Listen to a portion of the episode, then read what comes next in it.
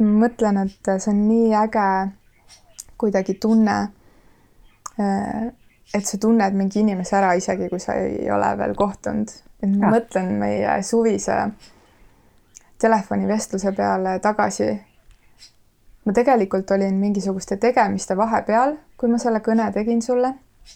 ja selles kõnes kõik need muud tegemised kadusid ära, et ma nagu, me olime nagu täitsa kohal selles äh, olemises ja ma tundsin ennast kuidagi hästi mugavalt ja koduselt sinuga seal toru otsas, täiesti esimest korda elus rääkides.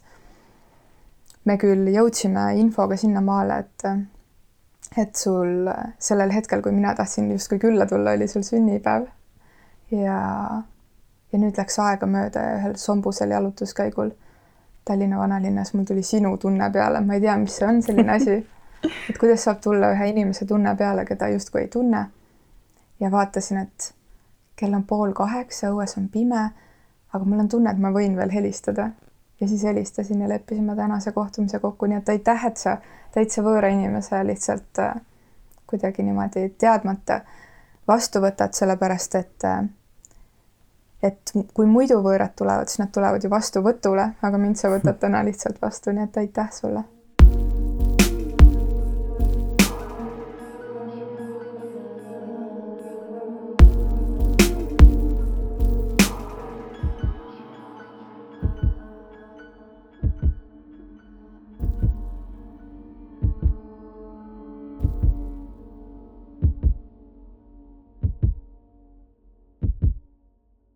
mis see tähendab, Helgi, kui äh, inimesed tulevad sinu juurde vastuvõtule, miks nad tulevad, kuhu nad jõuavad, mida nad otsivad? kas sa saad mingisuguse ühise nimetaja tuua, mis kuidagi paneb neid just sinu juurde jõudma? oh, mis neid paneb minu juurde jõudma?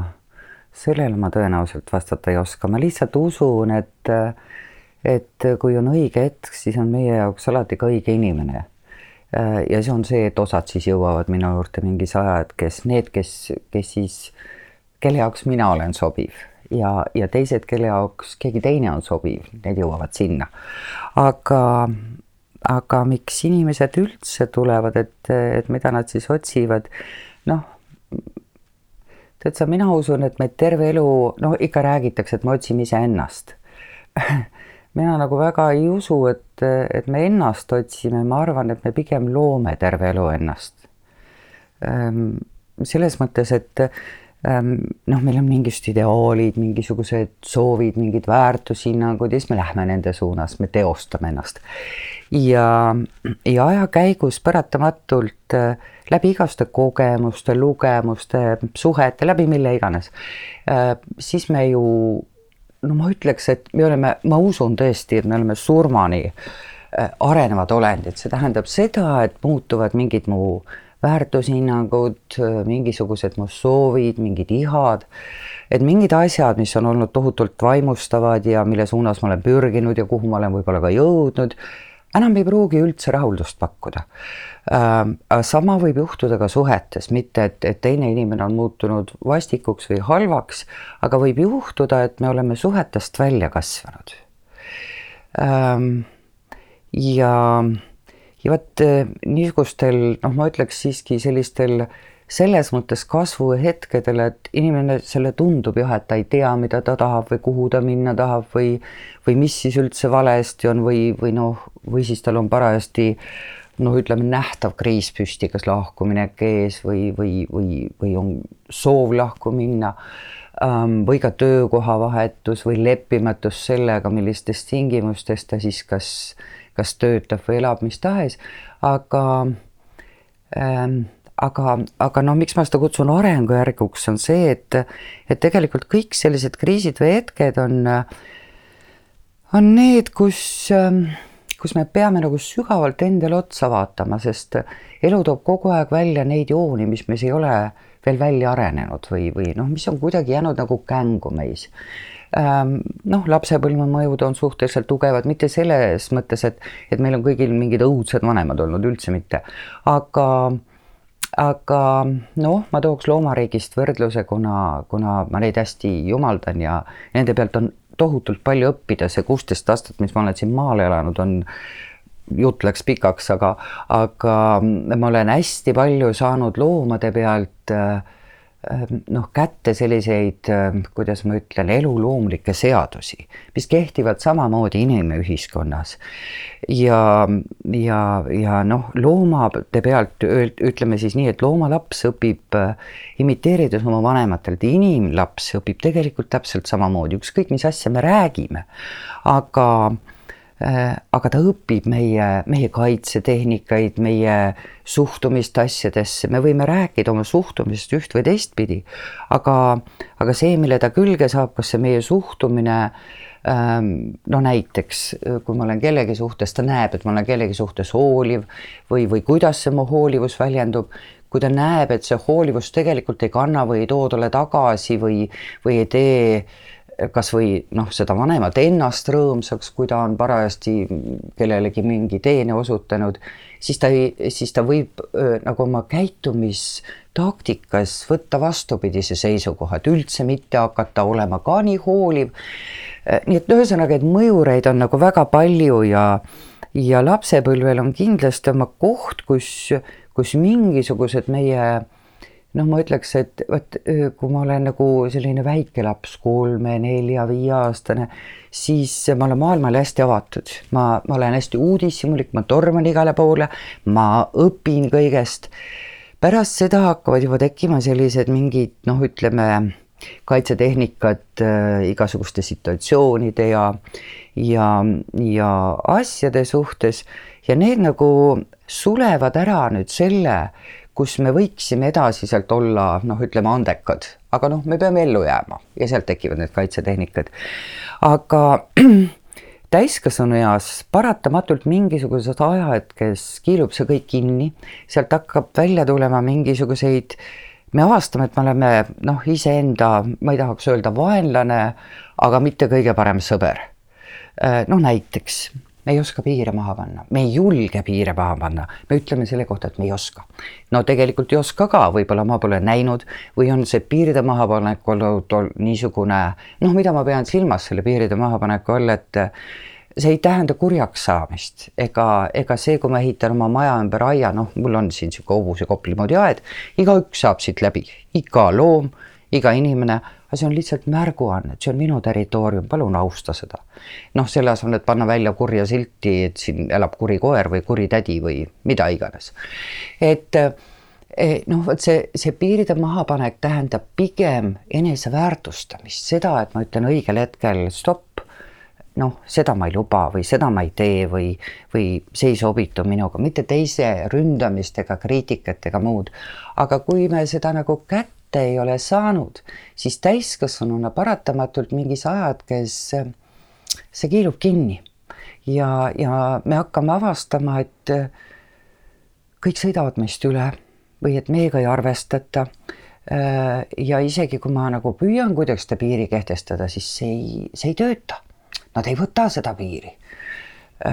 noh, tegelikult on see mingi abitu katse ja ja noh, mida meil ka väikesena ei õpetada, mis hästi palju nagu minu meelest täiskasvanu eas lööb välja igas vanuseastmes, on väärikustunne.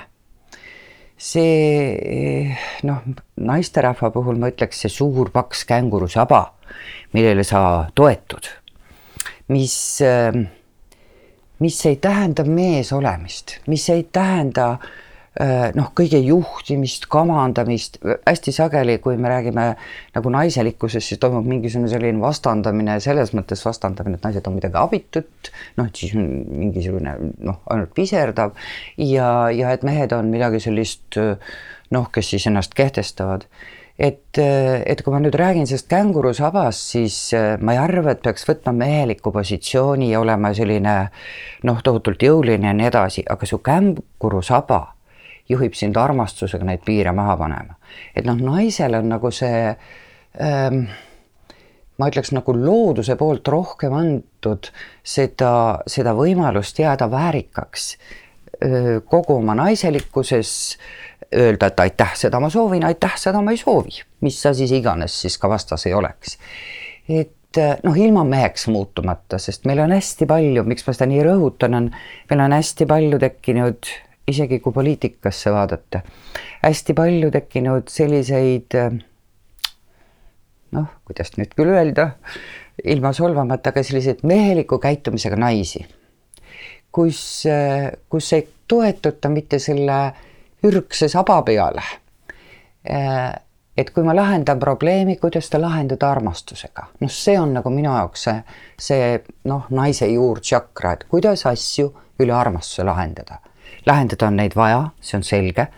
Äh, sellisel moel noh, asjad minna ei saa, aga kuidas seda lahendada armastusega, et kui seal läheb samasuguseks selliseks võimuvõitluseks, noh, meeste maailmas on nagu loomulik, et kui ma jälle mõtlen isaste peale, ma mõtlen loomade peale praegu Äh, siis äh, isane peabki teise isasega võitlema, vastasel juhul, juhul ei ole ta oma karja. Tal tuleb oma emased välja teenida. See on ürgloodus, see on samamoodi meestele üle läinud, las see olla nende maailmas. aga, aga noh, naisena on meil hoopis teistsugused relvad või noh, ütleme siis teistsugune võimalus või metoodika, et, et kui sa nagu oma väärikuse oled kätte saanud, siis sul ei ole vaja noh, emba-kumba, kas siis olla nii noh, niisugune, kuidas ma siis ütlen ähm,, nii õrn, nii õrn lakkamatult äh, või siis äh, hüpata sinna, sinna meeste maailma rusikatega poksima või, või vaatama, et kumb saab siis ikka nagu teravama sõna ära öelda, et noh, millega siis paika panna. Nüüd ma kaldusin teemast kõigest natukene kõrvale, aga et kui ma tulen tagasi selle juurde, et äh, mis siis inimesed selle, selle kriisi käigus saavad, siis tegelikult nad avastavadki neid oma noh, mina ikkagi ütlen välja arendamata külgi, millega on siis võimalik äh, hakata tööle. sest kui ma küsin enda käest, et kas ma tahan nagu jätkata seda teed, äh, noh, kui ma ei ole rahul, sest äh, ma tõesti arvan, et me tuleme siia maailma ikkagi nagu noh, eelkõige armastust õppima laias mõttes, et kuidas, kuidas olla kogu maailmaga armastavates suhetes ähm, see puudutab nüüd kõike siin ümberringi, kõiki elus ja eluta olendid, elu, olendeid ka. et, et ma ei lõhuks ära tervet seda maakera noh, oma käitumisviisid ja kõige muuga. me ei pea ju seda õppima üle katastroofide ja üle ma ei tea, mis asjade. Ehm, isegi mitte üle nende ränkade haiguste, et ehm, need, need sellised noh, mis selle hingerahu tooks, et ma võiksin maailmaga olla nagu hingerahus.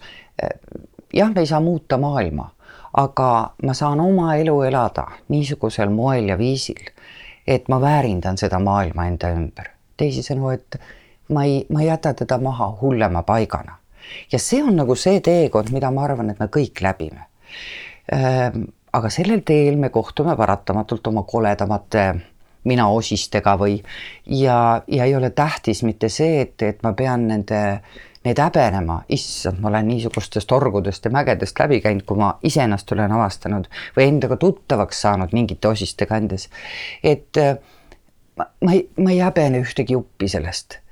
Äh, sest äh, ma tõesti arvan, et, et asjad algavad alati omaksvõtust, et kui sa nagu saad aru, et jah, ka see külg sinus mis ähm, ükskõik, kas see on manipuleeriv külg, sadistlik külg, ükskõik mis külje sa endas avastad, abitu. Ähm, et, et ka see külg seal sinus on sinu oma.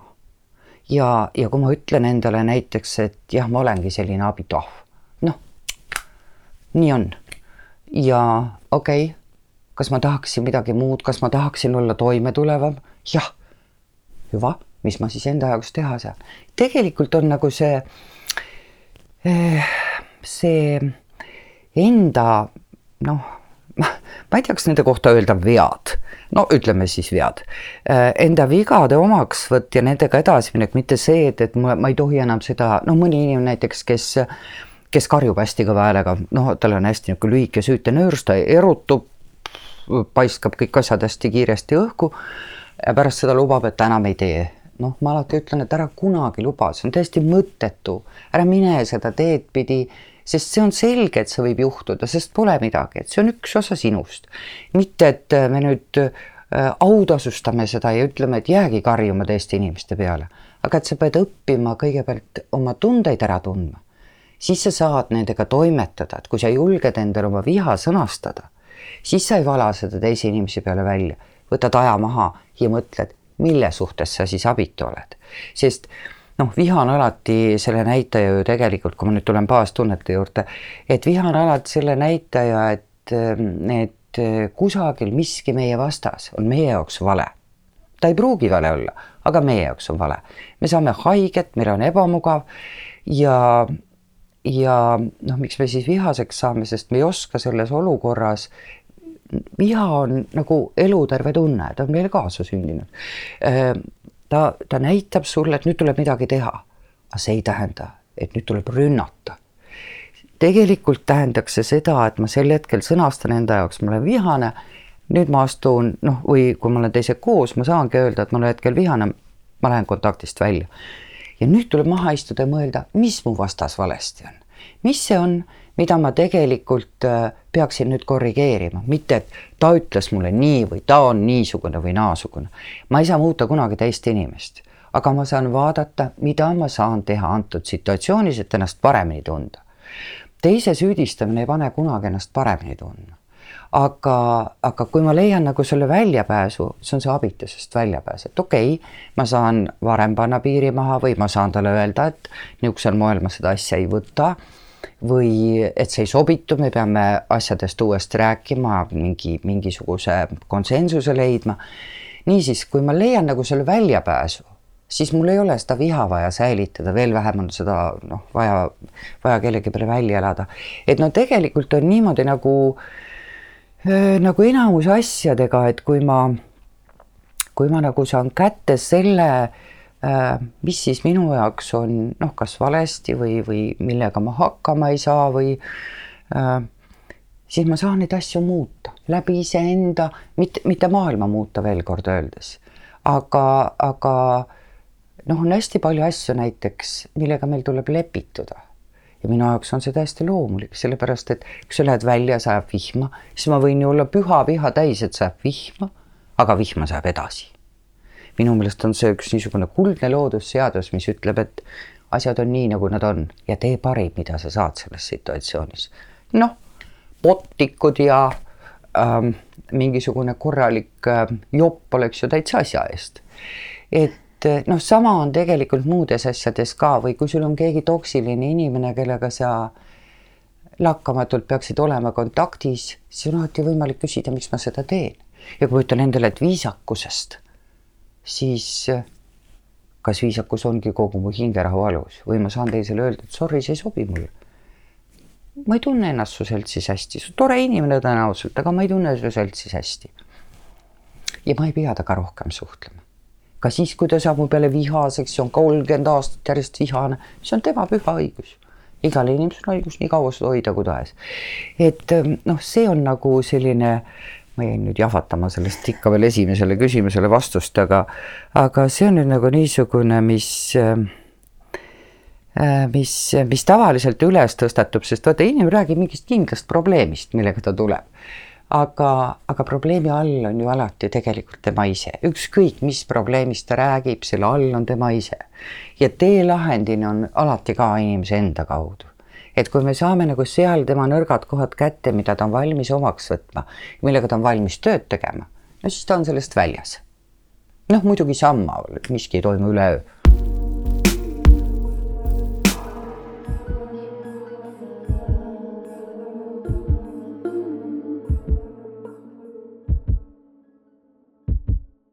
Helgi, see on nii äge lihtsalt, praegu tõesti selle esimese küsimusega, et mis toob inimese sinu juurde. sukeldusime juba essentsidesse. ma ise kohtun ja töötan ka, ma arvan, et protsentuaalselt võib-olla natuke rohkem tõesti siis naistega. ja mul on ka mingisugused omad kuidagi mingid taipamised ja mingid skeemid tekkinud ja mulle nii meeldis, kuidas sa ütlesid äh, see, seletasid seda, seda loomariigi ja, ja seda võitluse või, või meesenergia ja naisenergia kohta. ma ise olen seda nõnda selgitanud, et, et mees ei taha naisega kunagi sõdida mm. -hmm. et mees tahab alati sõdida mehega just, ja kui naine läheb nii-öelda siis meesenergiasse mm, -hmm. siis vallandub see ja ei ole ka see, et mees tahab sõdida mehega, vaid meesenergia tahab sõdida meesenergiaga mm. -hmm. ehk et me hakkame sõdima äh, mees-naine partnerluses siis, kui, kui tegelikult see, see koduhoidja naine on ju, oma mm -hmm. selle kängurusaba, mida sa nii toredasti sisse tõid, et see kängurusaba tahaks natukene kuidagi mul tuli niisugune nagu ropp mõte, meil juba kuulajad teavad, et ma vahepeal siin ikkagi lajatan ka, et kui see kängurusaba on justkui valel pool, on ju, et ei ole selja taga, vaid on, toetab valelt poolt, kus sa lähed nagu meesenergiasse, on ju. ja siis, siis see mees hakkab sõdima, on valmis selleks. ja sa tõid ka hästi ruttu sisse selle poliitika, et seda, see on ka see koht, mis on nagu meil siin viimase aasta vestlustes hüppab tihtipeale sisse, et ähm, kuna ma teen tööd palju naistega, siis väga paljud äh, kuidagi ütlevad või kuidagi omistavad mulle, et aa, et kas sa oled see feminist mm. -hmm. ehk et, ehk et umbes, et keegi, kes kuidagi naistega teeb rohkem tööd, on feminist, on ju. ja siis ma alati kuidagi nagu saan aru, et ma tõmban kulmu kipra ja ütlen, et ma arvan, et ma olen kõige vähem feminist üldse, keda võiks kuidagi nagu selle, sellise suure üldistuse järgi feministiks pidada. ja ja ma arvan, et seal on ka hästi palju kuidagi nagu läinud lappama äh, meediakajastuses ja kõiges. et äh,, et need naised poliitikas või, või kõva häälega feministid, kes, kes barrikaadidel karjuvad, just nimelt lähevad nii meesenergiasse, mis annab kohe võimaluse vastanduda ja sõdida ja lammutada.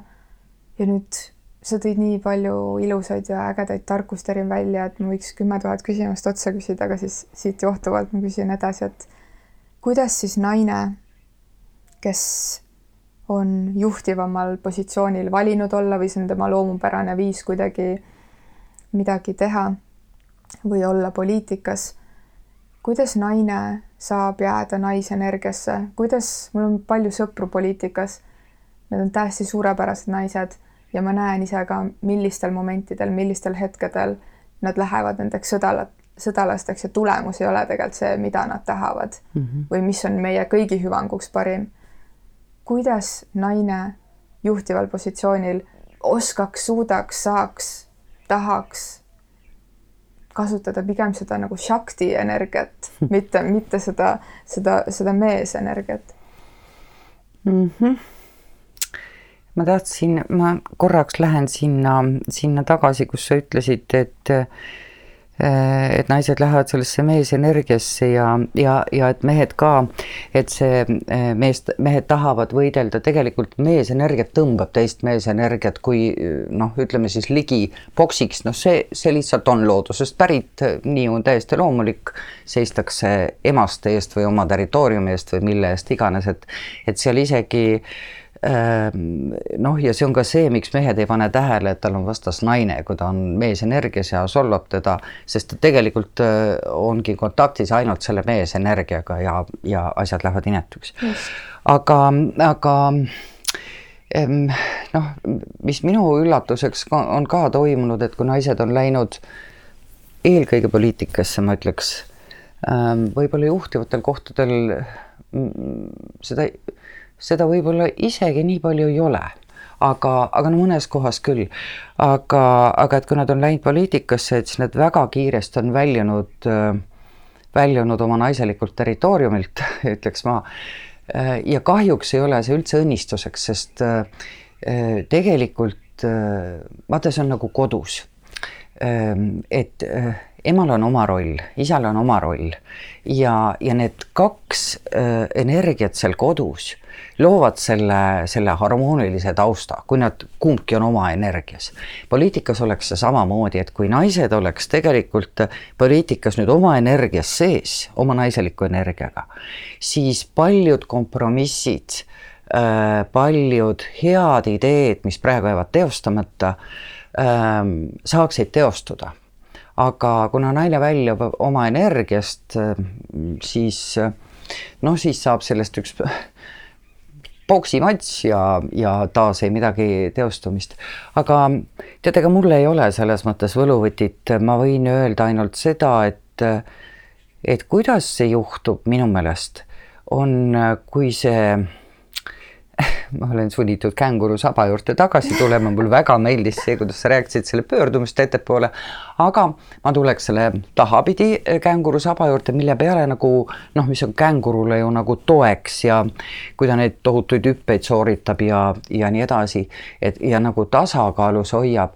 Et äh, siis äh, kui sa vaatad seda känguru saba, siis ta on niisugune noh, jäme ja korralik kui sa vaatad tema piakest või kõrvu või neid käppi, noh, eriti esikäppi, eks ole, siis need on sellised väiksed, pole nagu asja, aga see saba on niisugune kapitaalne. et äh, mulle tundub, et äh, mis on nagu lahti või miks, miks siis nagu naised nii kiiresti lähevad ära oma väljalt või oma energia sees, on see, et et naistel väga paljudel ei ole siiski oma, oma ürgsa naiselikkusega tegelikku kontakti.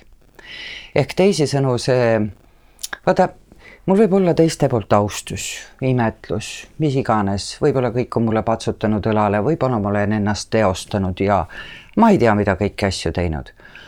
aga kui ma sisemal, sisimas ikkagi ei tunne ennast tegelikult väärtuslikuna, siis see känguru saba on mul selline, no tead, selline no kuidas ma ütlen sulle nagu kellel on selline saba? no selline pikk ja peenikene ja selline äh, no nagu pael.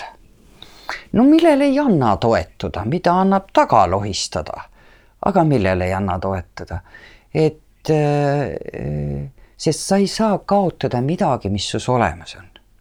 kui sa oled nagu, nagu endaga saanud ähm, noh, ma, ma ei tea, kas nüüd ütleme siis enda loomisega, no ikkagi enda loomisega saanud ühele poole. Äh, et su saba on piisavalt jõuline, mille peal sa istud.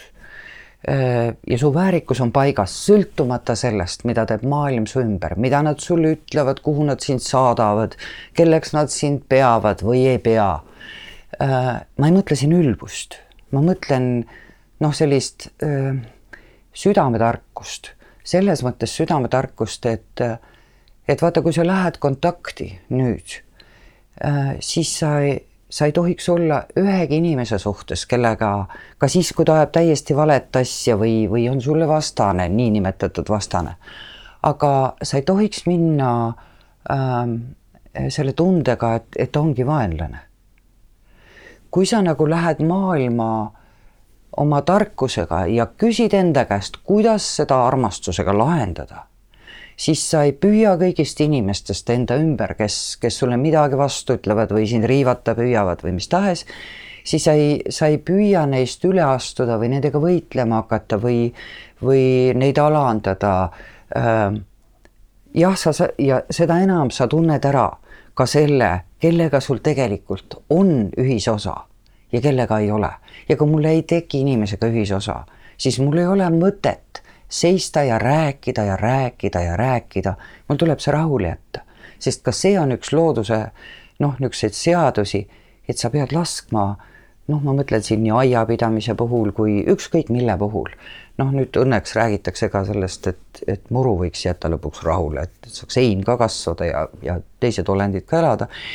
et sa pead õppima rahule jätma asjad eriti seal, kus noh, kui ma nüüd tulen suhete juurde, eriti seal, kus sa tunned, et sa tegelikult mitte midagi ilusat luua ei saa, siis jäta rahule.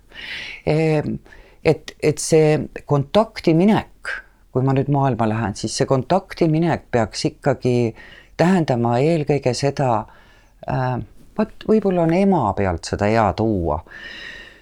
ema roll on ju no minu silmis vähemasti see, et et sa äh, püüad oma lapse kõrval olla, aga sa ei tassi teda aktiivselt kuskile suunda. sa toetad tast mingeid asju, sa lased tal eksida, äh, ka kukkuda ja haiget saada, kui vaja. Äh, aitad tal porist tõusta, kui, kui tarvis või puhud peale ja lased tal uuesti minna. et see on see olla laskmine ja olemasolemine, et kui ma nüüd tulen kontaktide juurde tagasi, siis siis ähm, noh, selleks, et kuidas mina näen seda, et üldse midagi maailmas teostada saab, et äh, ma ei saa võita äh, teiste inimeste või ma ei, ma ei saa ka nende väärtushinnangutele läheneda läbi selle, et mina tean, kuidas asjad käivad. et noh, nüüd tulin mina, nüüd ma tean, kuidas see maailm tuleb käima panna või meie riik tuleb ümber teha või ümber ehitada. see ei tööta ma saan rääkida mingitest asjadest siis, kui teised inimesed on muidugi huvitatud äh,, mingitest asjadest, nii nagu mina neid näen, kuulata, mida nemad näevad või tunnevad. me saame neid asju arutleda ja vaadata, mis on see kompromiss, mis oleks see parim ühisosa, mis me siis praeguses ära teha saaksime. et äh, see noh, mida ma hästi palju näen ja kuulen tegelikult ja, ja see tuleb välja ka siin alati mu töö käigus, suhete käigus, et inimesed astuvad hästi kiiresti võitlusesse mm.. süüdistama ja võitlusesse, nad ei orienteeru nagu lahendusele.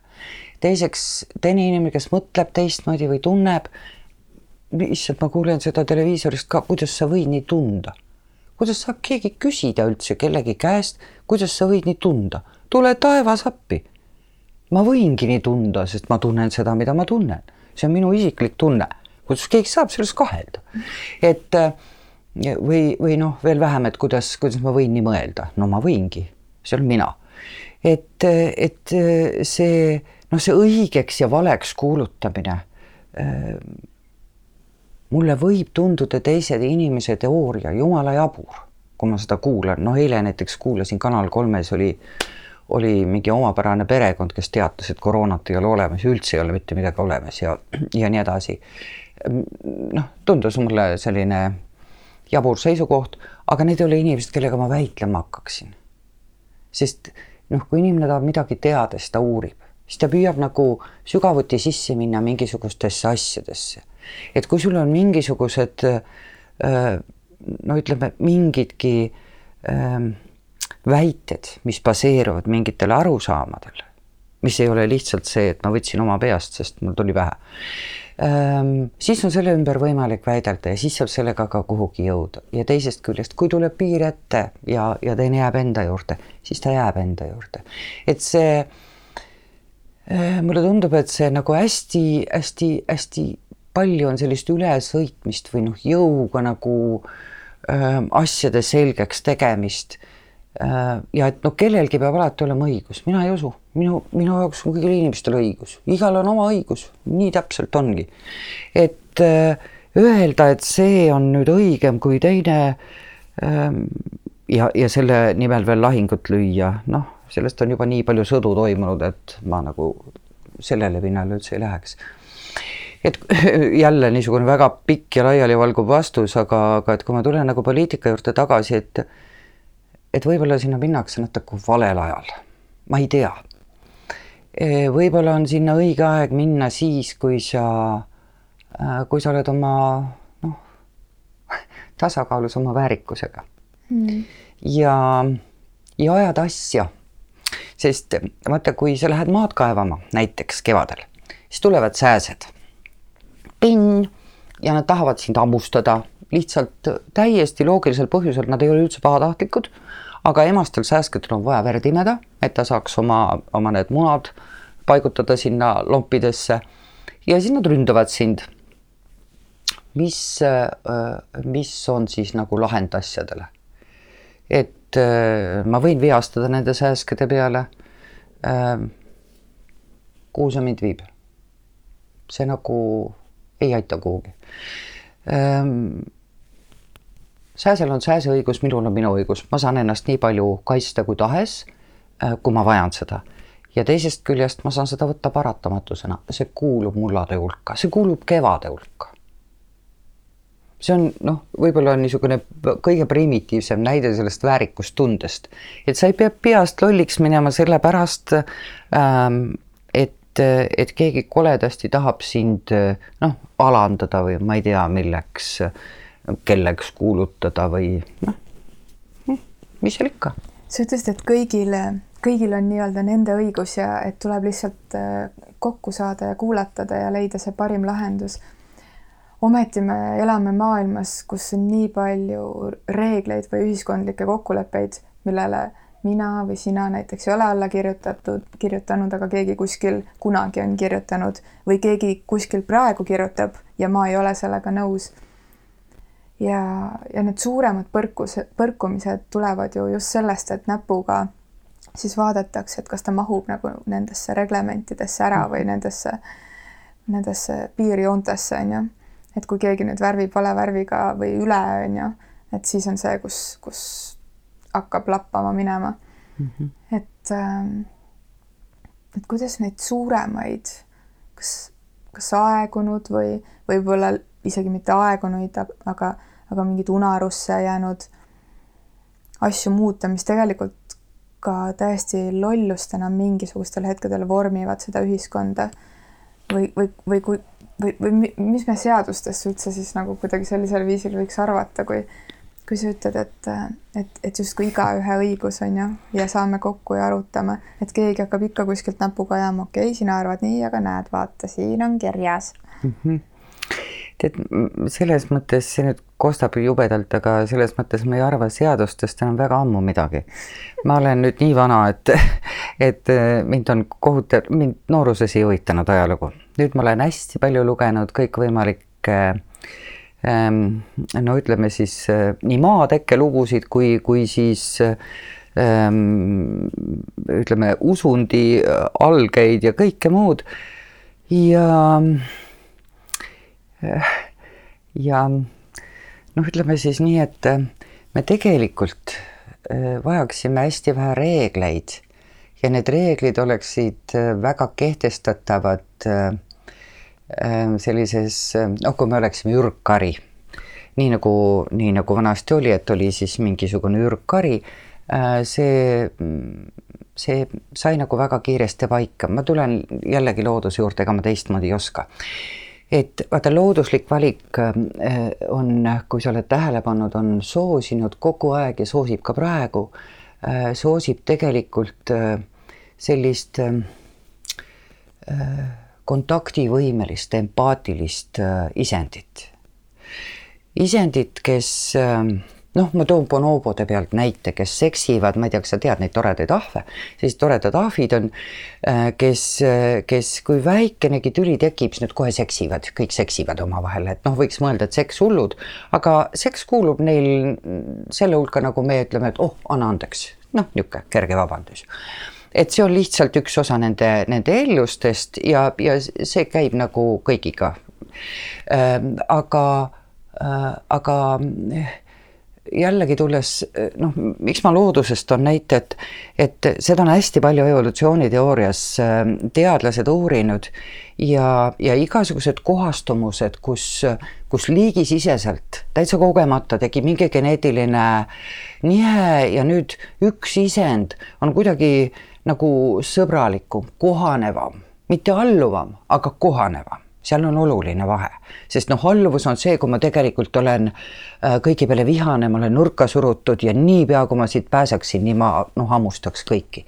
aga, aga see on kohanemine selles mõttes, et, et ma olen sõbralikum, ma oskan jagada teistega, kas siis territooriumi, toitu, mida iganes ja nii naljakas, kui see ka ei ole, et see karjaliider võib olla väga eh, noh, ütleme selline väga jõuline ja kõik ära krabada, aga, aga loodus soosib nüüd paljunemisel äh, neid, kes tegelikult on, on sellised sõbralikud ja koostööaltid. et see on nagu hästi-hästi palju liigiti, kuna ma lugesin ühte väga-väga huvitavat äh, raamatut, mis sisaldas ähm, vene teadlaste uuringut äh, hõbe või seal polaarrebaste kasvatusest, kus siis valiti välja äh, Äh, noh, niisugused äh, noh, nad on ikkagi metsast ju kinni püütud, millega alustati seal ja seal äh, valiti välja lihtsalt niisugused, kes nagu talitajatega paremini harjusid ja püüti siis neid edasi arendada, mitte, mitte üle selle, et neid kodustati, vaid lihtsalt püüti seda seda liini nagu noh, et vaadata jälle, kui tulid kutsikad, et siis kõige need sõbralikumad ja lõpuks oli see see tohutu mass võrreldes nüüd nendega, kes olid sellised noh, endiselt tigedad ja nii edasi, siis paljunemine, loodus soosis nende paljunemist et noh, see oli ka lihtsalt niisugune, ma ei tea, kas kestis kakskümmend, kakskümmend viis aastat, mis see katse kestis, hästi pikalt.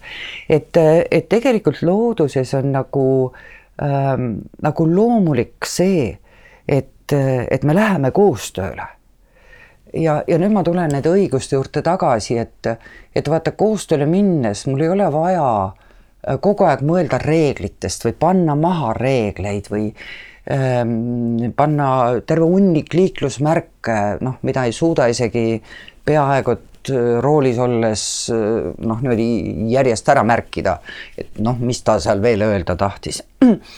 Ähm, kusjuures sellega on ju ka huvitav eksperiment minu meelest, kas, kas see on Inglismaal, kuskil on veel, on mingid linnad, kus võeti maha liiklusmärgid, tehti niisugune katse, minu meelest seal ei olegi, väikelinnad, ähm, võeti liiklusmärgid maha ja avastati, et äh, liiklusavariide hulk vähenes drastiliselt. kõik on tähelepanelikumad.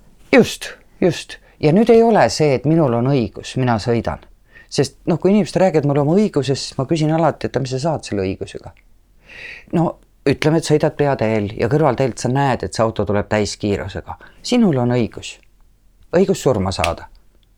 mis teed selle õigusega? on ju loomulik, et tõmba tagasi, jumal teab, mis põhjusel, kas ta ei näe, kas tal on kiire, vahet pole. pane pidurit, lase ta minema et noh, nii on nende kõigi asjadega, et, et kui ma nagu reeglite juurde tulen, siis ma ei hakka sellest üldse rääkima, et meil on hästi palju jaburaid reegleid ja ja kui mulle keegi ütleb, et noh, et nii peab ja, ja nii on kohustatud ja nii edasi, noh, eriti kui see puudutab riiki, see kostab nüüd küll jälle väga anarhistlikult, aga aga siis ma mõtlen, et aga mina ei ole ju riiki valinud. Et mitte, et Eesti riik oleks paha, ei, mulle meeldib Eesti riik, aga ma mõtlen üleüldse, et mina ei ole valinud, et, et palun andke mulle riik, noh, see nimetu suur asi. et äh, äh, me, me oleme nagu kuidagi noh, kuidas ma siis ütlen, niisuguses naljakas seisundis, et meile tuleb kogu aeg nagu reegleid juurde kirjutada. ja inimesed äh, leiavad loomulikult selle peale, noh, jälle loomade puhul mulle hästi meeldib, et et kui sa oled ehitanud karjaaia ja loomad on kuskilt välja saanud, siis ei ole loom loll, et ta lõhkus su aia ära. Ta näitab sulle, kust asi ei pea, et, et kui sa tahad neid mingis tarases hoida. aga et inimesed ka ju leiutavad jälle vahendeid, kuidas neid reegleid siis põhja lasta ja igalühel on, ongi mingi, mingisugune noh, oma viis, kuidas ka riiki põhja lasta. et äh, ja see on ka see, miks ma ei saa kunagi aru, et kui meil näiteks tekib jälle mingisugune protsess, noh, viimati oli siin Mailis Repsiga äh, mingi protsess, kus näidatakse näpuga, oi kui paha, kole, mis ta kõik tegi ja me kõik ei ole niisugused, siis mina tahan näha Eestimaal seda ainsat tublit inimest, kes pole mitte kunagi petnud riiki, teisi inimesi, äh, pole käitunud kas või natukenegi alatult ma ei usu, ma ei usu sellesse. et eh, noh, jõudes nüüd tagasi nende reeglite juurde, et, et neid noh, miks eelkõige ja miks on palju reegleid vaja, sest eh, mida hirmunumad me oleme, mida rohkem me tahame võimu haarata, seda rohkem on neid reegleid vaja kehtestada, kahjuks.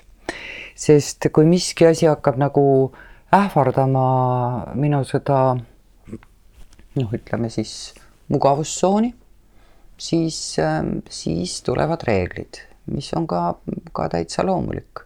et inimesed ei tunneks ise liiga palju, ei mõtleks ise liiga palju ja läheks läbi väravast, isegi kui aeda pole.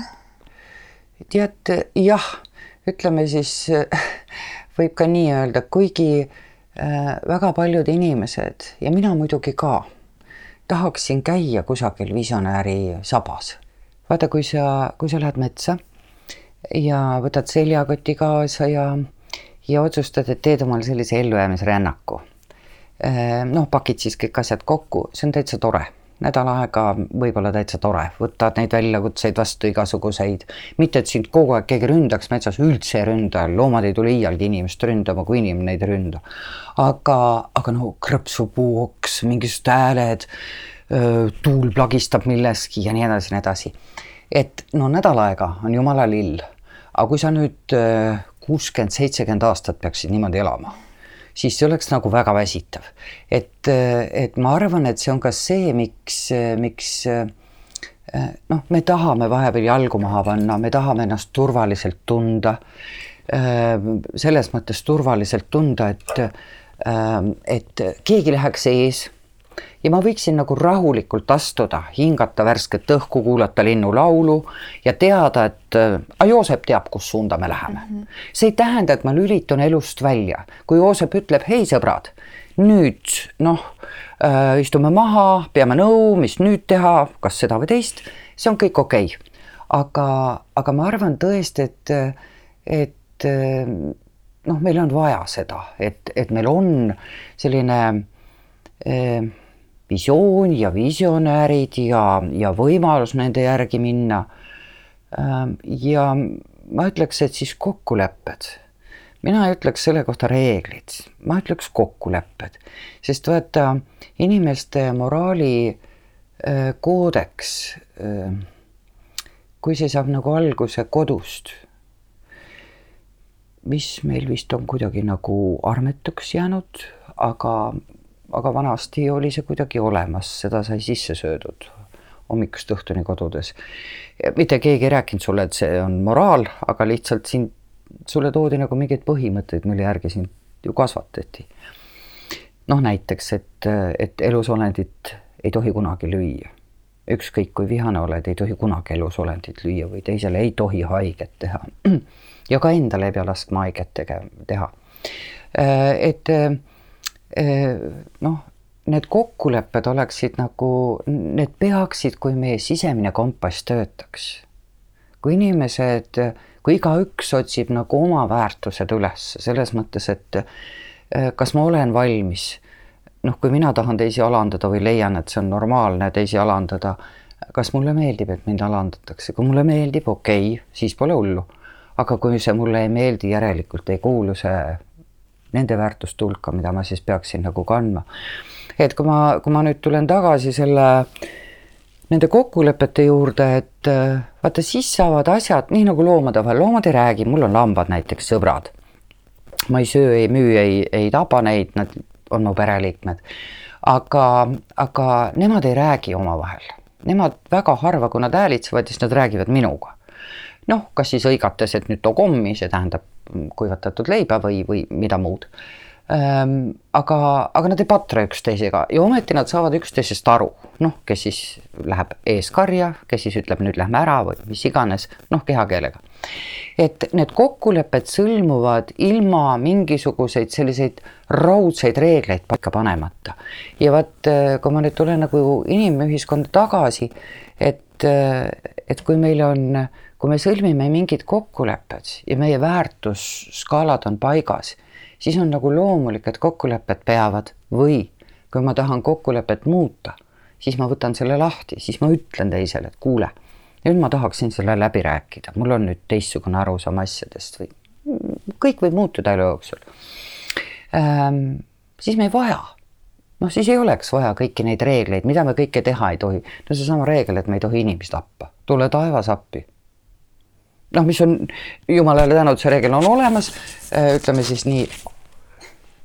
aga äh,, aga, aga see on ju absurdne, see on tõeliselt absurdne. et noh, kui me peame selliseid reegleid hakkama äh,, hakkama kehtestama, siis see näitab ikkagi, et midagi on hästi lahti meie, meie sisemise noh, väärtus väärtuskoduga, ma ütleks, et siis ei ole seal nagu asjad paika saanud. ja vot minu jaoks nagu asjad algavadki sealt, et, et iga vanem, kellel on nagu äh, tillukene kodus, see saab talle selles mõttes nii palju anda, et äh, noh, analüüsides endast läbi, sest noh, vanem on juba käinud tee läbi, ta juba teab äh,, mis kannab, mis mitte, et sa saad talle nii palju anda, et tema saab luua maailma noh, ütleme siis parema maailma, kui see meie oma oli.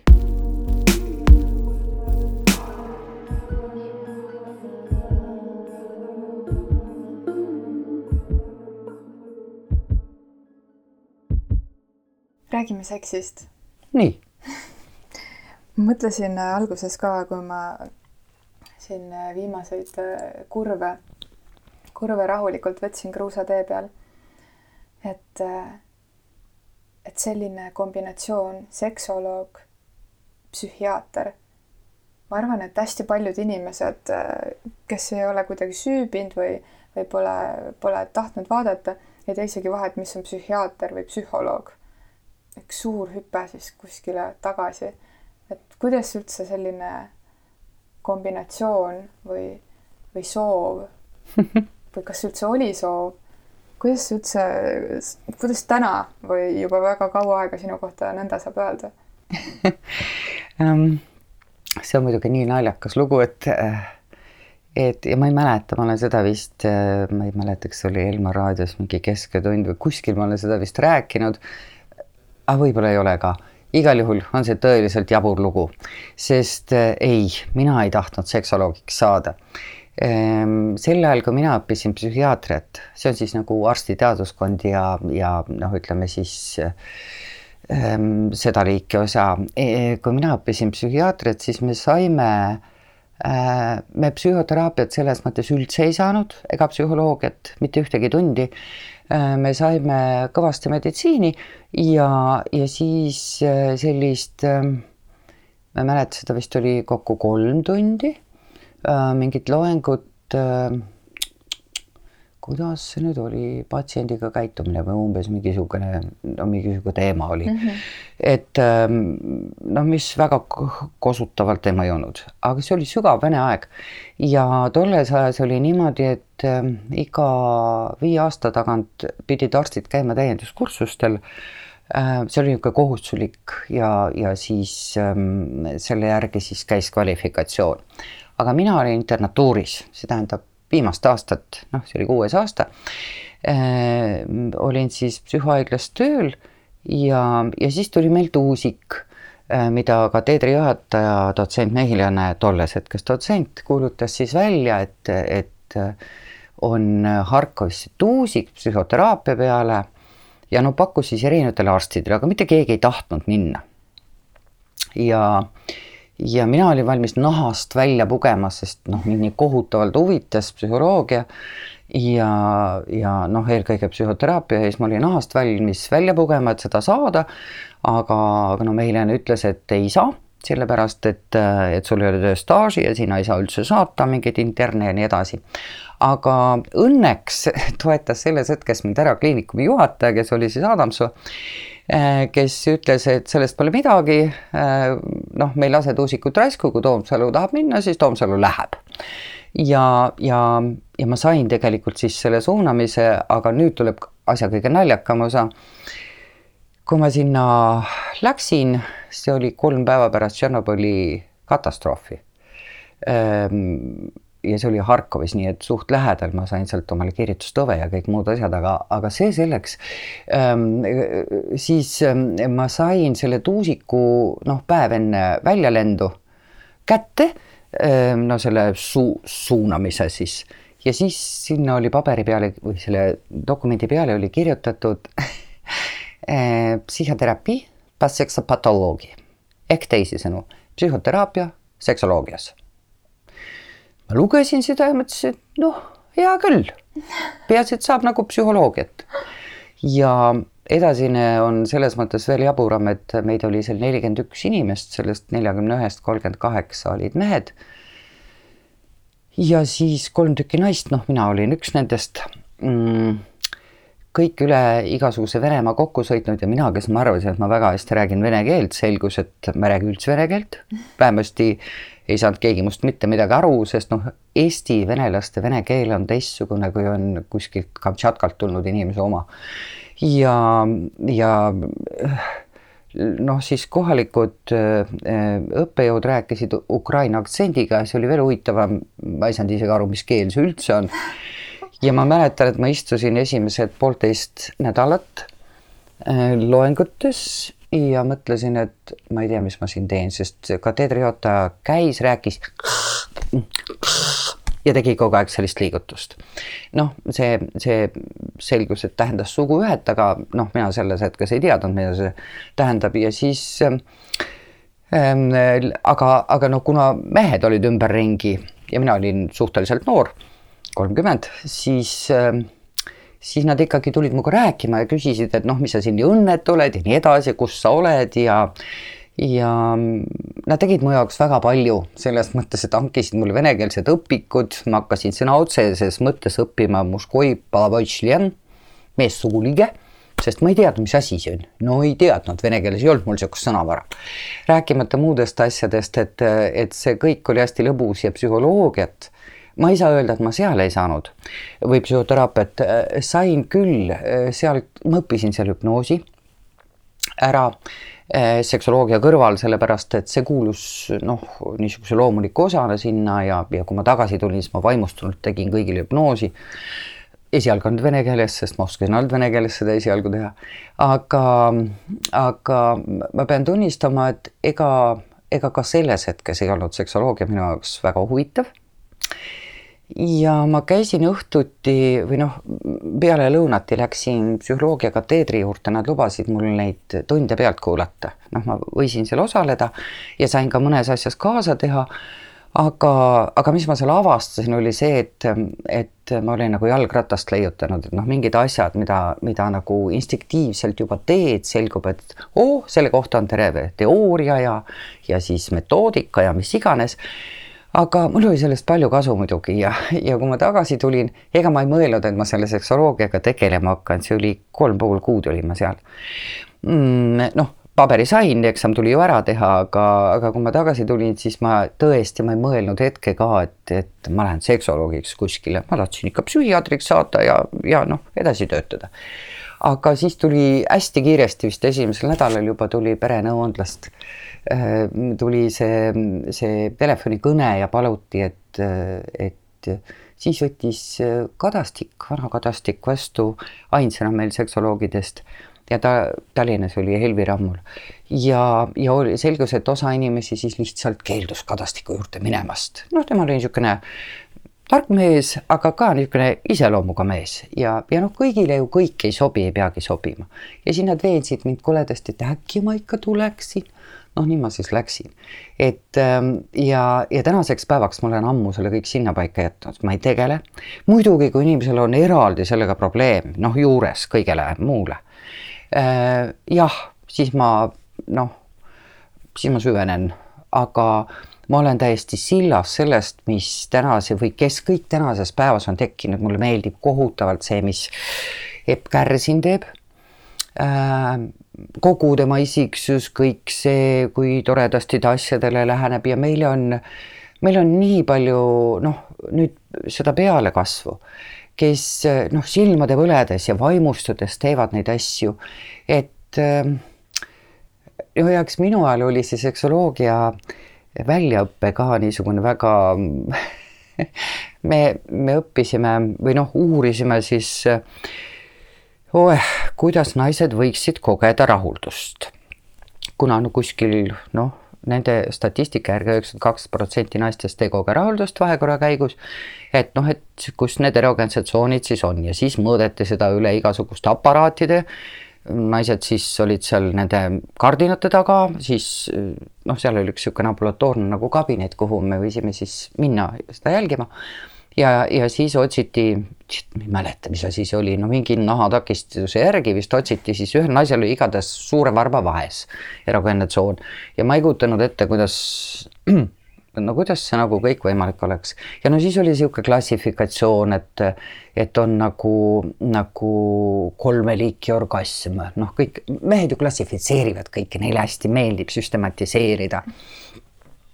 eriti naise keha noh, jah, ütleme siis nii. ja, ja siis oli, see kõik oli selline tehniline ja, ja kuna seksoloogid olid siiski põhiliselt mehed, siis äh, kõik see metoodika minu jaoks ei töötanud, see lihtsalt ei töötanud. ja, ja noh, seesama ja kui ma siis tagasi läksin ja siis naised niimoodi hakkasid mulle näpu otsast tooma mehi, et õpetage ta välja. ja siis äh, noh, et et ta mees ei oska mitte midagi ja siis ma veel siiralt uskusin, et noh, võib-olla sellest ongi kasu. tegelikult ei olnud mingit kasu, sellepärast et, et äh, selgus, et mees vajutab liiga kõvasti li või liiga tasa, liigub liiga kiiresti sealt kohalt ära või, või nii edasi. ja, ja, ja siis naised tõid uuesti mulle mehe tagasi, ütlesid, et tehke ümber. noh, umbes nii. et, et see ei töötanud üldse, enne kui ma nagu ütleme, noh, vot see on nüüd see kängurusaba kujunemise lugu enne kui, kui ma ükskord jõudsin arusaamisele, noh, mõeldes oma seksuaalsusele, jõudsin arusaamisele, et ainult mina ise tean, mismoodi ma oma keha keeran. vaata, kui sul tuleb kass juurde, siis kass ei ütle sulle, katsu mind tagumiku pealt või paita mul pead, kratsi mind siit lõualt kõvemini, tasemeni. ei, kass tuleb ja seda kohta, mida ta tahab, et sa silitad, selle ta keerab sul ette. kui sa lähed liiga tugevaks, ta libiseb su käe alt ära, teeb ringi ja tuleb uuesti. et ja kui ta tahab, et, et sa liigud mõnda, mõnele teisele kohale ta kehalt, siis ta liigutab ennast. et kui nagu hakata mõtlema sellele, et me ei ole osanud oma kehas ennast loomulikuna tunda või et minu enda võimuses on keerata ennast sellisesse asendisse, kuhu ma iganes tahan. noh, sõna otseses mõttes nühkida vastu, vastu partneri keha, kust ma iganes tahan, tema käsi, mida tahes, mõmiseda. Mm, noh, nii nagu kaski vahel teeb kurruda, et ma ei pea talle pidama loengut selleks, et ta must aru saaks, teiseks ei pea ta üldse midagi tegema, et see, kuhu ma lõpuks jõudsin, oli see, et peaasi, et mees on elus. tal ei pea olema isegi käsi ega jalgu, kui ta on elus ja ta suguti on võimeline kõvastuma selleks, et üldse saaks vahekorda astuda, siis on igal kümnel juhul võimalik vahekorrani jõuda, pole üldse küsimust. et see kõik on sus endas kinni see oli võib-olla niisugune, noh, miks ma ütlen, et ka üks osa minu känguru saba kujunemisel loost, et, et kui ma nagu tagasi jõudsin iseenda juurde ja hakkasin mõtlema sellest või, või tunnetama seda, et et ma ei pea rajama teisele inimesele, ükskõik kes see on, oma õnne üles, et kas ta nüüd teab, kuidas mind puudutada ja kui ta läheb mu elust ära, issand, mis nüüd saab? sest järgmine on täielik kobakäpp äkki.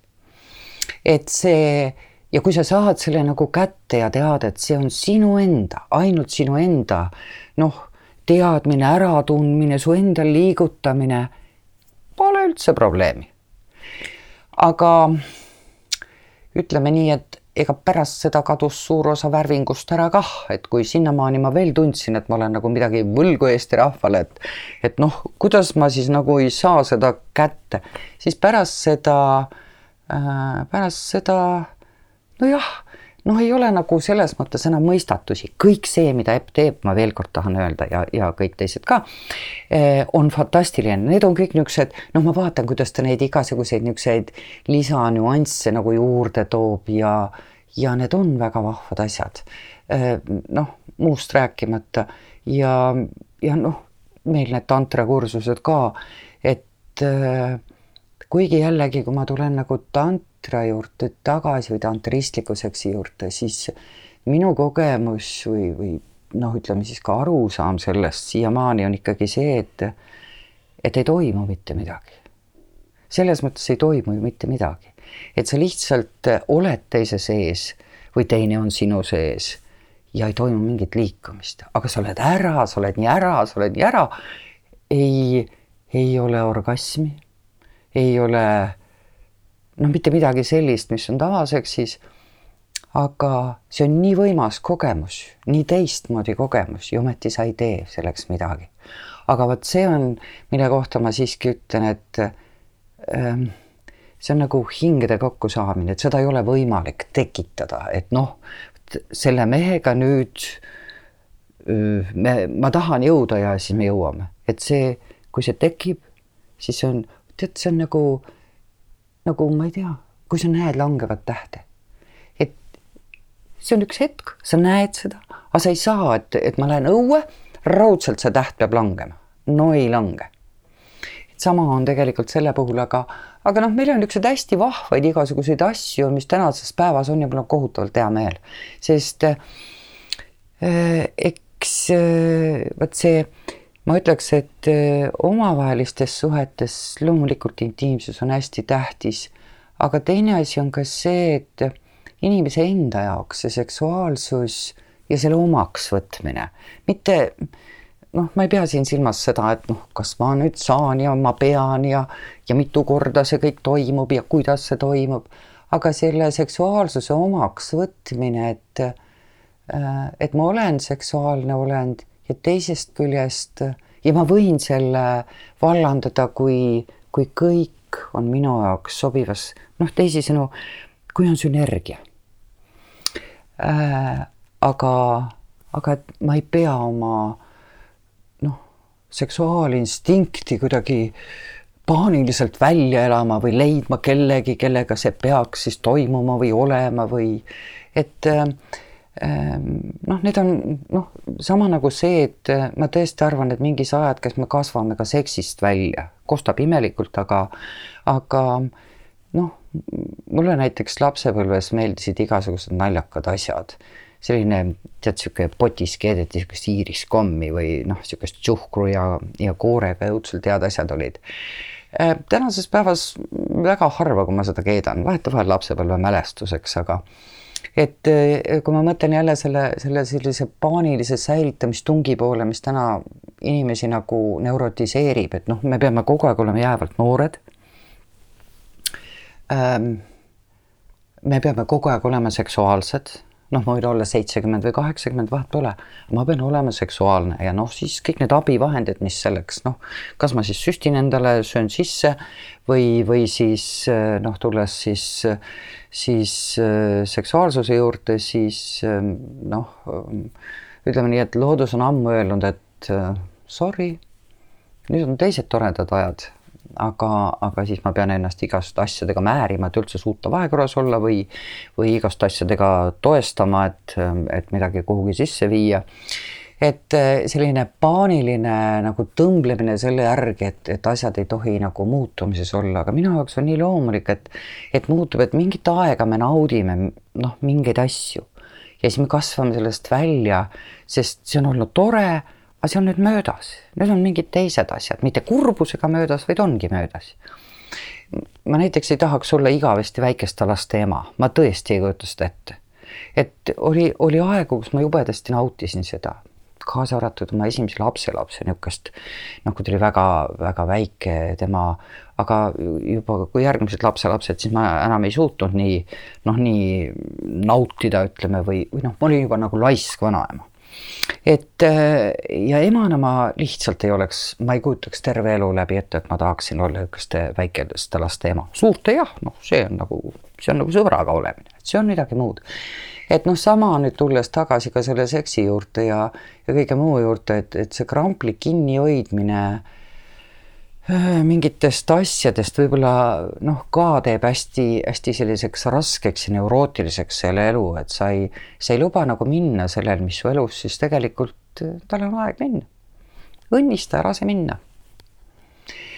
Ähm, jah, nüüd sai pikk lugu sellest, et, äh, et kuidas must seksoloog sai sa mainisid enne neid ahve, et, et nad lahendavad mingeid tülisid seksides.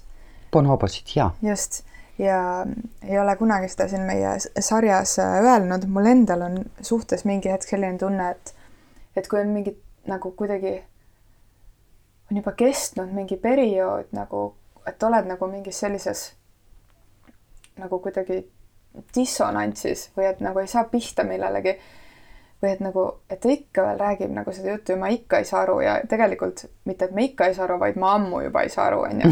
Et ma tegelikult juba olen nagu selle kokkuleppe endaga teinud, et ma ei saagi aru, onju.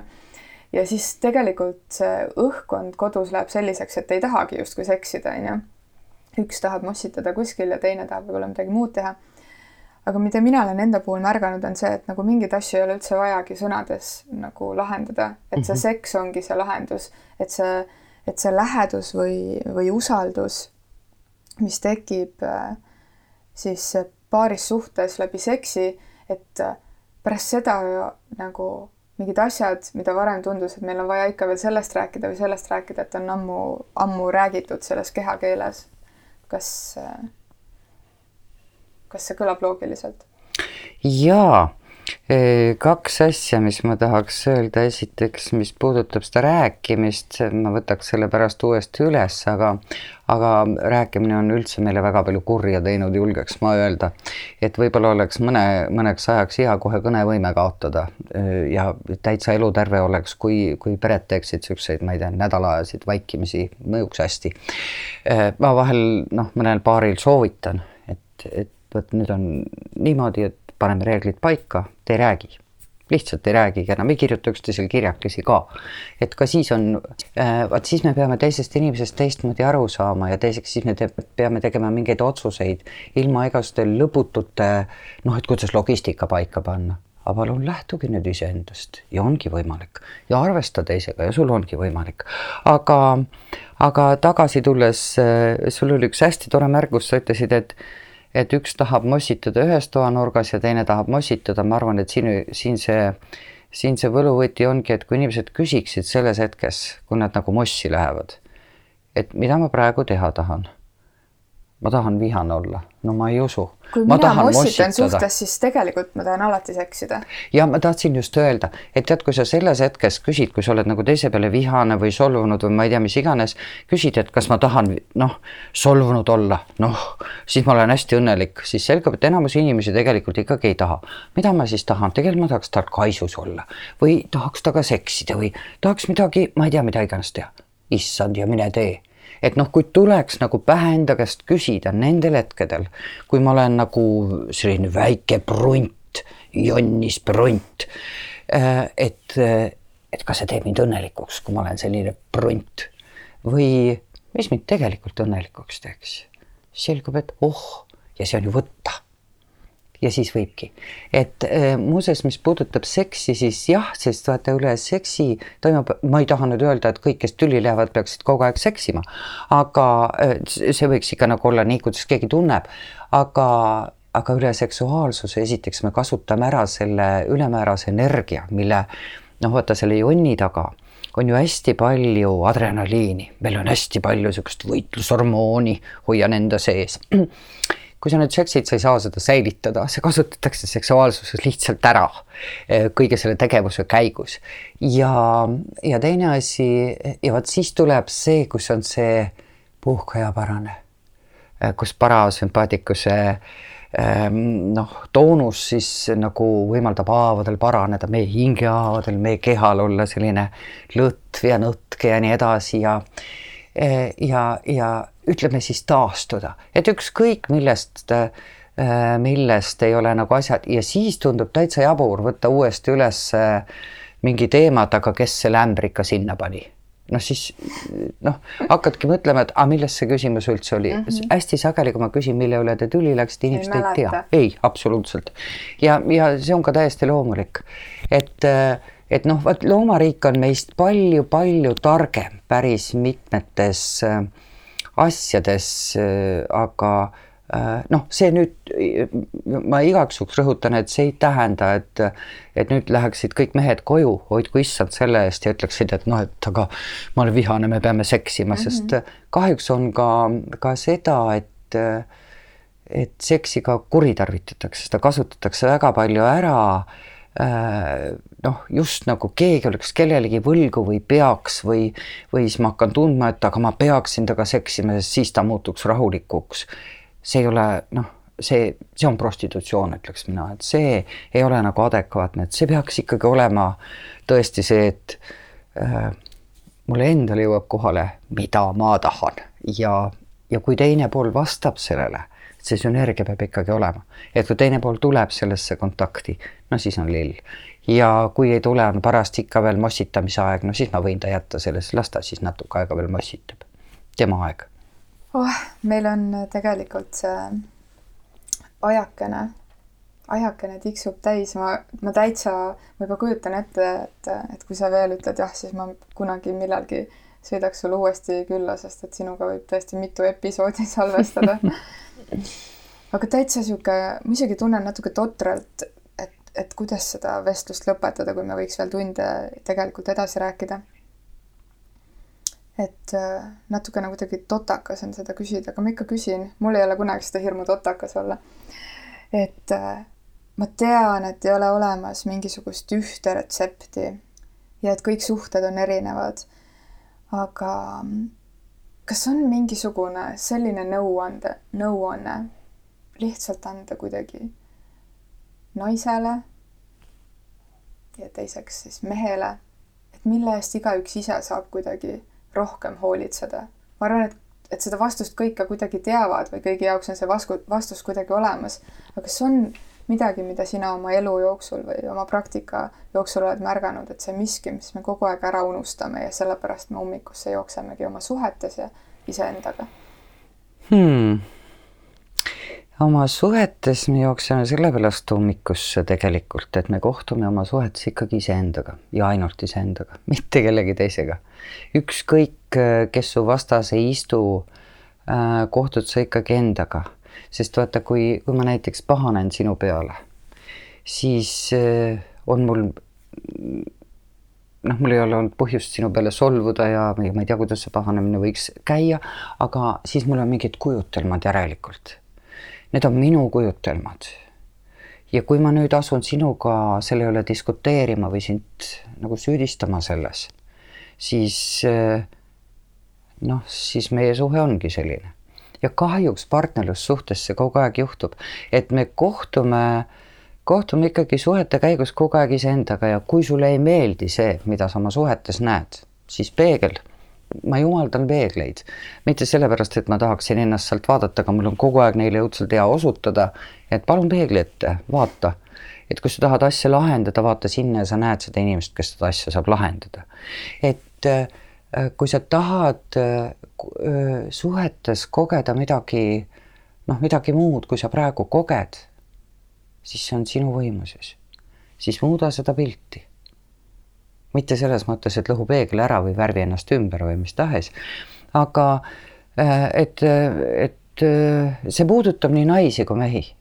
kõik nagu jõuab tagasi iseendani ja noh, ma tõmban siit ikkagi uuesti sellega sisse, et võib-olla, mis puudutab rääkimist, et võib-olla inimesed peaksid natukene vähem rääkima, meil on kogu aeg öeldud, et rääkige ja muudkui rääkige omavahel ja minu meelest mehed juba kardavad vestlusi.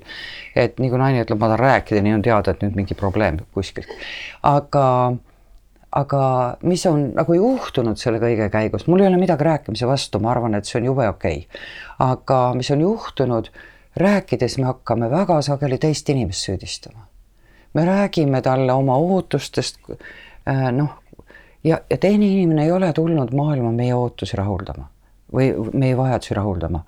et kui sa näed, et teisel inimesel on täiesti teistsugused vajadused kui sul, siis sõltumatult sellest, kuidas ta sulle meeldib, kui väga sa just nagu teda armastaksid, siis on sul aeg lahti lasta ja minna oma teed. sest noh, mis sa seisad seal kirsipuu all, kui sa ei taha kirsse süüa? kui, kui sa oled õnnelik hoopis õunu süües, no mine õunapuu alla. see ei hakka sulle siin, ükskõik kui palju seda kirssi süüdistad seal. et, ähm, et võib-olla enne neid suuri rääkimisi ja üldse ma arvan, et rääkimine peaks toimuma ikkagi sellises vormis, noh, mida, mida inimene toob siis endast välja, oma ahhaasid, et tead, ma jõudsin arusaamisele, et ma teen seda või seda või seda või noh, näiteks selle lühikese söötenööri puhul, et et äh, ma tean, et, et ma tükin ägestuma, et ole hea, kas sa võiksid mind aidata ja pidurdada mind, kui, kui ma jälle, et, et noh, ära siis rohkem räägi minuga, et näita mulle lihtsalt mingit märki ja ma saan aru, et ma olen jälle läinud sinna. et me võime aidata teisel kasvada, kui teine pool seda palub. aga, aga et et kui see rääkimine saaks nagu teistsuguse tähenduse, et see ei oleks mitte, et noh, mina muudkui õigustan siin, kuidas mul on õigus nendeks asjadeks ja ja, ja no võib-olla sekka vabandan ka, aga ikka jälle õigustan ja, ja siis teine istub seal vastas ja, ja tunneb, kuidas see kõik tuleb talle selge ja kuidas ta peaks nendele ootustele ja teistele ootustele vastama. ja ainus inimene, kes, kes saab nendele ootustele vastata, oleme me ise. et, et selles mõttes äh, suhted saavad olla täpselt nii head, kui hea on meie läbisaamine maailmaga. et kui sa, kui sa oled nagu rahujalal maailmaga, siis sa võid vanakuradiga ka koos elada või noh, keegi ei olegi selles mõttes vanakurat. aga ma üldse mõtlen, et, et vaata kooselu või üldse suhted, noh, mis selle mõte on, on ju see, et, et ma teen talle oma kõrval ruumi, noh, oma ellu ruumi ja meie teed saaksid kulgeda paralleelselt, mitte et need noh, hakkaksid kogu aeg üksteisest üle sõitma või et sellest saab nüüd üks paks jäme tee ja me ei tohi kuhugi hargneda aga et need saaksid kulgeda paralleelselt, et meil oleks äh, keegi, kes, kes meid innustab või toetab selles hetkes, kui ma tahan, no ma ei tea, mul tuleb mingi hullumeelne mõte, ma tahan müüjast minna lenduriks. ja, ja mu kaasa ütleb, et no miks mitte. ja kui ma siis tulen ja ütlen, et tead, aga mul läks hoopis süda pahaks, ma ei saagi lennata, siis ta ütleb, et aga kallis, sellest ei ole midagi, sa proovisid ära.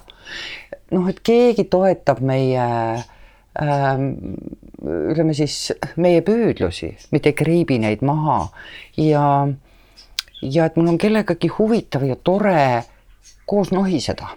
Ma isegi ei ütle vestelda, aga vestelda on ka tore, aga kogu aeg ei taha. Äh, et, et kui meil on tore ka koos nohiseda, et tema loeb oma või mina loen oma või et keegi loeb sulle pärast ette, kui sa oled juba nii vana, et sa ei näe või ei viitsi enam lugeda ise ja siis on nii tore, et keegi loeb, et et kui ma nagu selle peale mõtlen, siis, siis võib-olla noh, see, see rahu maailmaga tähendab ikkagi seda, et, et mul ei ole nii noh, nii kõrget latti ja nii suuri ootusi selle suhtes, mis see teine kõik tegema peaks siis ongi mõnus koos olla, aga kui mul on nagu väga kõrged ootused, et ta peab vastama sellele, teisele ja kolmandale asjale, mida ta kõik teha to tohiks ja mida ta ei tohi äh,, siis äh, ega ma ei saagi sealt midagi nautida.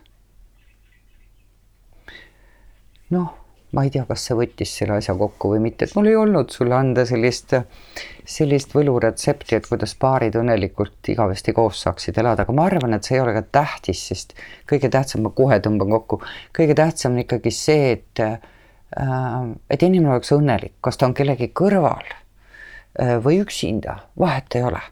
peaasi, et tunneb õnne ja, ja hingerahu. ilus kui ma siia teel olin ja, ja need meie mõned kõned, siis sa rääkisid minuga kuidagi nii suures äh, usalduses, et, et no tead küll ju, millised meil siin need teed on või noh, hakkad sinna Võru poole tulema ja ma olen tegelikult väga vähe Lõuna-Eestis käinud, ma olen täitsa Põhja-Eesti tüdruk.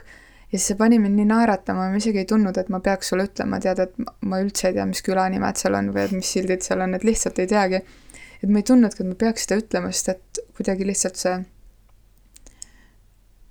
et ma tundsin, et, et sinu selles äh, selgituses, kuidas kohale jõuda, oli mingi nagu usaldus sees.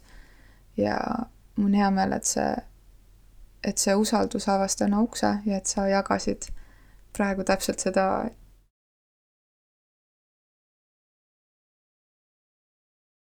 kaasa mõtlema või, või kuidagi jutustama, nii et äh, Helgi, aitäh sulle. et ma olen tegelikult tahtnud äh, algusest peale öelda, et sa näed nii kaunis välja. oih. lihtsalt äh, nii, nii tore. aitäh, aitäh, tore, tore oli kohtuda